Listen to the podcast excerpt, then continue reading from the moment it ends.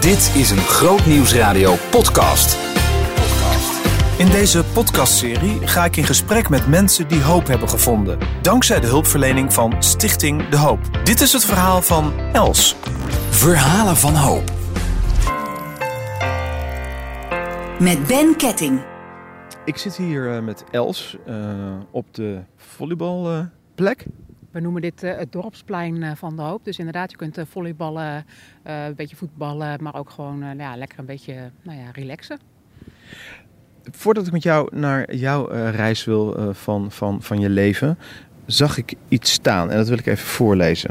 Het zal zo'n 15 jaar geleden zijn. Samen met mijn moeder en stiefvader vierde ik de jaarwisseling bij de schoonouders van mijn jongste broer. Het enige waar ik tijdens die avond aan kon denken was dat ik het liefst zelfmoord wilde plegen. Dat was eigenlijk de eerste zin die op, deze, ja, op dit verslag stond van, van wat je hebt meegemaakt. Voordat we hier naartoe gaan, naar dit moment, zou ik eigenlijk eerst willen naar wie jij was als kind. In wat voor gezin groeide je op? Wie was jij? Ik denk dat ik van jongs af aan echt het idee heb gehad dat ik eigenlijk helemaal niemand eh, was. Eh, mijn eh, vader was zwaar alcoholist. Ja, en die was zo agressief en die kon je echt het gevoel geven dat je, ja, dat je helemaal niks waard was. Ik heb als kind meegemaakt dat ik zat te eten en hij zat tegenover mij. En dat hij opeens opsprong en riep: Ik wil niet meer tegenover jou zitten. Van, nou ja, omdat ik dan niet netjes genoeg at naar zijn zin. En ja, ik denk dat ik vier of vijf jaar oud was. Dus maar ja, dat zijn wel dingen die je heel goed, eh, goed onthoudt. En ja, dat is wel heel erg nou ja, hoe ik me steeds meer ben gaan voelen. Een soort eh, minderwaardig of helemaal onwaardig. Dus eigenlijk kan ik wel zeggen dat jouw kindertijd, dat was geen leuke tijd. Daar heb jij niet echt hele fijne herinneringen aan. Nee, eh, ik- heb vooral leuke herinneringen aan de momenten dat ik niet thuis was. Van, ik, ik kan, wij woonden dicht bij een groot park, bijna een bos. En ik, ik heb hele mooie herinneringen aan buiten spelen. Maar, maar ja, thuis zijn, ja, voor mij was het voelde gewoon nooit veilig. Had je broertjes, zusjes? Eh, Kon je daarmee praten? Was er überhaupt iemand waar je dit soort dingen mee aan kon vertellen? Ik heb eh, twee jongere broers. En eh, nou, de jongste is echt een stuk jonger dan ik, zes jaar. Eh, maar de oudste die is maar een jaar jonger dan ik. Dus ja, wij, wij maakten heel veel hetzelfde mee. En we hebben het er nog wel eens over. We hebben gewoon heel veel dezelfde herinneringen. Maar je praat daar niet over. Zo van ergens is, ja, dat is gewoon je realiteit. Zo leef je. En het is bijna normaal. En ik, ik weet nog wel ook, ja, mijn, mijn vader kon hele rare dingen doen. En dat mijn moeder dan ook zei zo van, eh, ja, hier praten we niet over. Dus niet onderling, maar ook zeker niet naar buiten. Ik had het er nooit met iemand over. En daarom was jij natuurlijk ook heel eh, graag bij vriendinnetjes. In ieder geval niet in huis. Ja, nou ik was vooral buiten. Eh, Heel veel vriendinnetjes had ik ook niet. Maar eh, ja, het, inderdaad buiten spelen, weg zijn. Ja, en dat, nou ja, dat is langzaam geëscaleerd ja, in een soort vluchten. Maar wat voelde jij dan als kind, als meisje? Eigenlijk niks. Ik kan me herinneren dat ik als klein kind op een gegeven moment iets heel heftigs zag gebeuren tussen mijn ouders. Omdat mijn vader ook heel agressief was. En, en dat was 's avonds laat. En ik, ik lag eigenlijk al op bed. En ik weet nog van dat ik een tijdje heb staan kijken in de deuropening van mijn kamer. En ik, ik ging daarna gewoon weer naar bed. En ik kan me niet herinneren dat ik daar ook maar enig gevoel bij had. Van, alsof dat helemaal is afgesloten. Van ja, je, je leeft op de automatische piloot. Hoe ging het op school? Eh, ik was een eh, goede leerling. Dus dat, eh, ja, een soort, soort compensatie. Maar ook op school, ja, dat je er eigenlijk niet bij hoort. Ik, eh, ik denk dat ik echt een onhandig, sociaal onhandig kind was. Van niet, niet iemand die makkelijk vriendjes maakte. Dus eh, ja, toch eh, veel alleen. En dan wel een paar vriendinnen. Maar echt een klein clubje. Dan doorloop je de, de basisschool, lager onderwijs. Dan ga je naar het voortgezet onderwijs. Kan je daar eens iets over vertellen? Hoe was dat voor je in die tijd? Rond de puberteit misschien? Nou, ja, ik, ik ben echt... Ja, puberteit had ik eigenlijk ook niet. Ik, eh, ik, ik zeg altijd van pas toen ik twintig was of zo... dat ik een beetje ging eh, protesteren. Maar... ehm, eh, nou ja, mijn moeder die, die wilde mij naar de HAVO. En ik, ik had echt... Nou ja, ik vond dat een nare school. Dus ik, nou, ik ben toen op een scholengemeenschap beland. Uit, uiteindelijk VWO gedaan. En ja, ik ben wel een beetje gevlucht in het leren. Zo van, ik, ik kon goed leren. Ik was een goede leerling.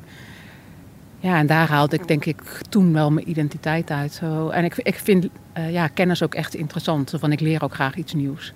Ja, dat dat, dat een beetje een vlucht werd. Had je verder problemen eh, opgelopen door zo'n traumatische jeugd eigenlijk? Ik ben eh, langzaam steeds meer gaan eten. En dat, dat, ja, dat, dat werd echt mijn vlucht. In, in het begin was dat ja, af en toe een reep chocola. En ik deed dat dan vaak in combinatie met lezen. Ik lees heel graag. En dan nou ja, een, ehm, een stukje chocola per pagina. Maar ja, het werd bijna... Ja, een automatisme is het verkeerde woord. Maar iets, iets heel, het werd heel belangrijk voor me. En ja, ik, heb altijd, het, ik had echt het gevoel alsof, alsof zoetigheid een soort vriend was. Van dan kwam ik tot rust. En ik, kwam er op een gegeven moment ook wel achter. Ik kan niet eten en nadenken tegelijk. En ik vond het, heel, ik vond het ook wel fijn om niet na te hoeven denken. Dus en ja, dat eten is langzaam eh, eh, steeds meer geëscaleerd. Dus eigenlijk met het eten drukte je eigenlijk de pijn weg die je had als meisje. Is dat... Ja, dat klopt. En eh, op een gegeven moment zijn er een eh, paar hele heftige dingen gebeurd. Mijn opa overleed en dat was echt mijn vaderfiguur. En een, een vriendin van mij die heeft daarna een poging tot zelfmoord gedaan. En nou, haar familie kon daar niks mee en die stuurde haar naar mij. Ik weet nog steeds niet waarom, ik was 22 in die tijd. En ehm, ja, die combinatie eh, waar mijn gevoel, waar zoveel gebeurde met mijn gevoel, ja, toen is het eten echt geëscaleerd. Weet je, ik heb nu een aantal gesprekken gedaan met mensen. En waarin ei- eigenlijk wat, wat er naar voren komt, is dat er in zo'n leven tussen, de, hè, tussen dat je geboren wordt en laten we maar zeggen even 20 jaar, 2, 3, 24 jaar, dat er eigenlijk niet echt een zonnestraal is. Dat er geen blijdschap is, dat er geen liefde is. Het is allemaal koud, hard, somber. Was dat bij jou ook zo? Ja, dat herken ik wel heel erg. En eh, eh, toen ik later christen werd en ook in christelijke gezinnen kwam, dat ik dan heel erg het contrast zag. Van eh, dat er wel heel veel liefde was, maar ook heel veel vertrouwen in, in de kinderen. En ja, als ik het zo zeg, dan kan ik er bijna nog emotioneel van worden. Van, ik vind het geweldig om te zien, maar dat ik ook soms bijna een soort jaloezie voel van dat had ik ook zo graag gewild. En, en, en dat was er echt niet. Wanneer is het echt helemaal fout gegaan? Eh, nou, echt na dat overlijden van mijn opa en eh, de zelfmoordpoging van die vriendin. Ehm, dat was echt rond de tijd dat ik afstudeerde. Kort daarna kreeg ik een, mijn eerste baan. En, Toen was je hoe oud? eh, toen was ik 22,5, zeg maar. En eh nou, die baan, dat was echt een drama. Dat, eh, en ja, toen, toen ging het heel snel. En ik heb daarna nog een andere baan eh, gehad. Dat ging een paar jaar goed. Maar het liep uiteindelijk ook spaak. En ik, ik kwam toen thuis te zitten een aantal jaren. En nou ja, ik ging eten, eten, eten, eten. En ik, ja, ik woog uiteindelijk iets van eh, nou, bijna 200 kilo. Overigens niet aan je te zien. Nee, niet meer gelukkig. Maar 200 kilo, dat is, dat is een hoop, hè? Dat is heel erg veel, ja. En ja, ik zat, ik zat gewoon hele weken thuis. Ik zag één keer in de week zag ik mijn moeder. En voor de rest zag ik eigenlijk niemand. En eh, en ja, het enige wat ik deed was eten en ongelukkig zijn. Kon je niet praten thuis? Was er geen mogelijkheid om, om dingen eh, naar boven te halen die waren gebeurd? Nee, nee, daar was echt, daar was echt geen, eh, geen ruimte voor. Ik denk dat mijn ouders zijn op een gegeven moment eh, gescheiden. Met mijn vader had ik niet echt meer contact. En ja, maar ik denk dat mijn moeder nog steeds het idee heeft dat zij het echt heel erg goed heeft gedaan. Ja, en ik ben het daar niet mee eens. Veel later heb ik daar nog wel eens met haar over gepraat, maar dat was echt jaren later. En dat heeft ze me echt niet in dank afgenomen. Dan ga ik naar de uitspraak die hier staat, zo'n 15 jaar geleden. eh, zal het zijn geweest. Samen met mijn moeder en stiefvader vierde ik de jaarwisseling bij de schoonouders van mijn jongste broer. Het enige waar ik tijdens die avond aan kon denken was dat ik het liefst zelf moest willen plegen. Dan, dan ben je al ver gezonken. Ehm, kan je daar eens iets over vertellen in wat voor staat je was? Waar, hoe je zelfbeeld was op dat moment? Nou ja, je moet je voorstellen, ik woog 200 kilo. Als ik de straat op ging, eh, ehm, ja, iedere jonge jongen had er wat over te zeggen. En ook een heleboel volwassenen die beter zouden moeten weten. Eh, ik ging, eh, als het maar even kon, alleen in het donker naar buiten. En ehm, ja, ik wilde natuurlijk ook gewoon graag een partner. Ik, ik had echt wel een kinderwens.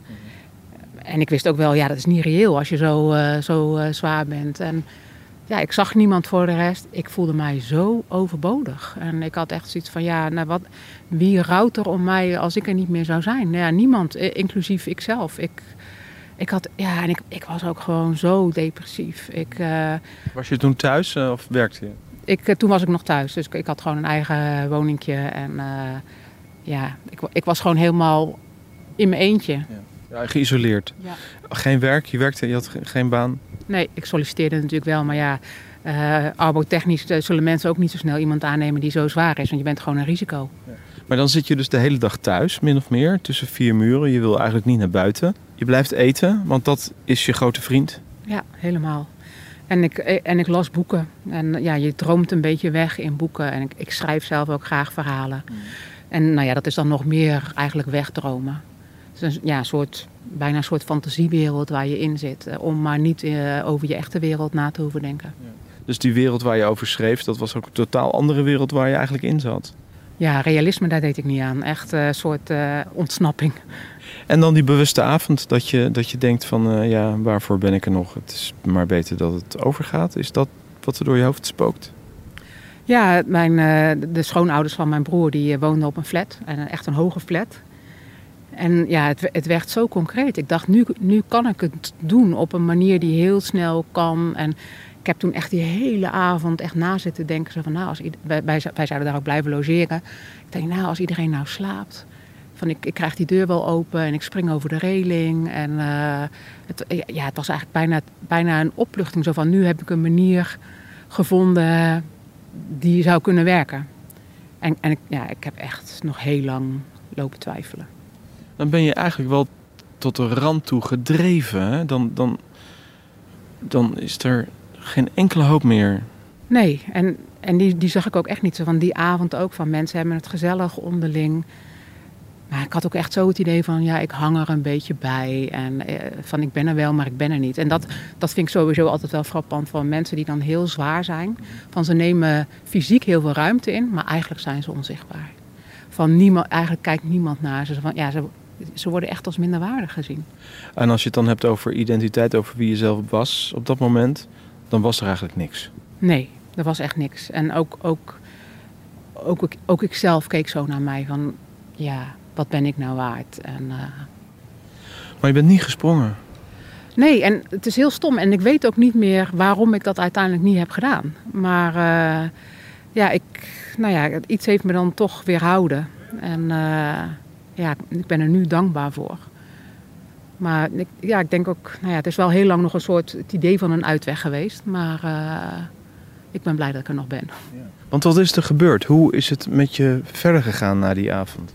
Ja, ik heb God leren kennen.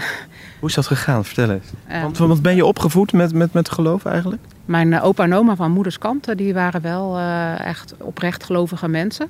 En toen mijn ouders gescheiden waren, toen zijn wij vlakbij hen gaan wonen. Nou, zij gingen natuurlijk iedere zondag naar de kerk en wij zijn toen wel een aantal jaar mee geweest. Dus ik, ik heb er wel iets van meegekregen. Maar ehm, nou ja, nooit echt een bewuste keuze daarin eh, gemaakt. En ehm, nou ja, en een paar maanden later, ik was nog steeds met die ideeën bezig om, om er een eind aan te maken. En eh, ik sliep heel slecht. De BBC had in die tijd altijd een, eh, een nachtprogramma met eh, eh, gewoon echt mooie programma's. En eh, toen rond Pasen eh, van dat jaar eh, eh, hadden zij een... eh, hadden zij uitzendingen, ja, eigenlijk een kinderfilm. Het was heel, heel apart. Midden in de nacht hadden zij een kinderfilm, The Miracle Maker, over eh, echt het, eh, het evangelie. En ja, het is een, een eh, animatiefilm, ook, er zitten ook poppen in.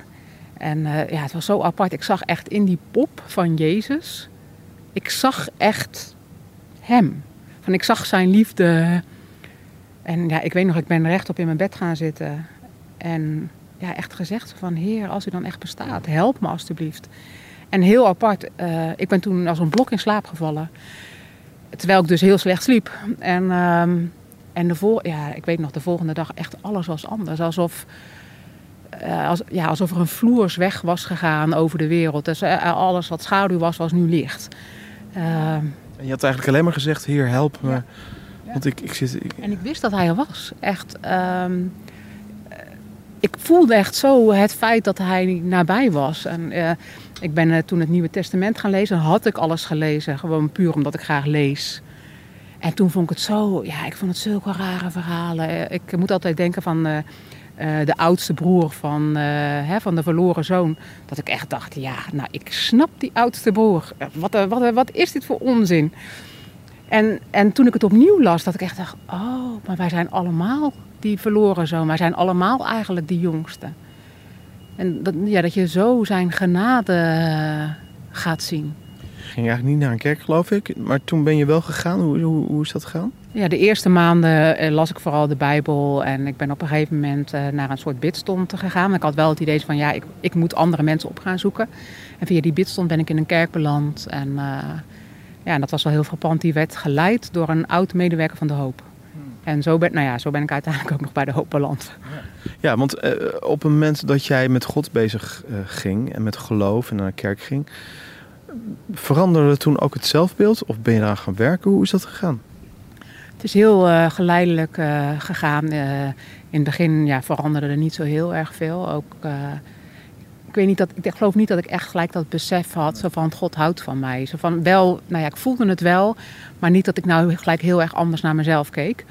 En ehm, langzaam is dat wel gaan veranderen en ik ben op een gegeven moment ook gaan afvallen. Maar goed, ja, als je zo zwaar bent en je valt af, ja, het, heeft, dat laat, eh, het laat natuurlijk enorme sporen achter op je lichaam. Dus wat je dan aantreft, ja, het was eigenlijk nog erger dan dik zijn.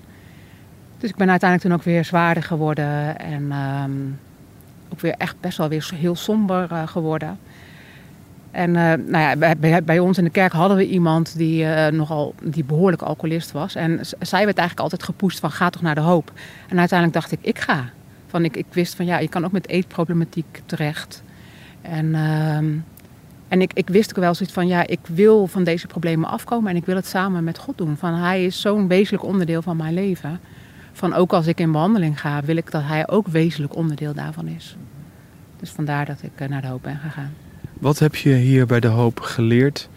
Tot wat voor inzicht ben je gekomen dat ehm, ja, eigenlijk je hele leven is veranderd?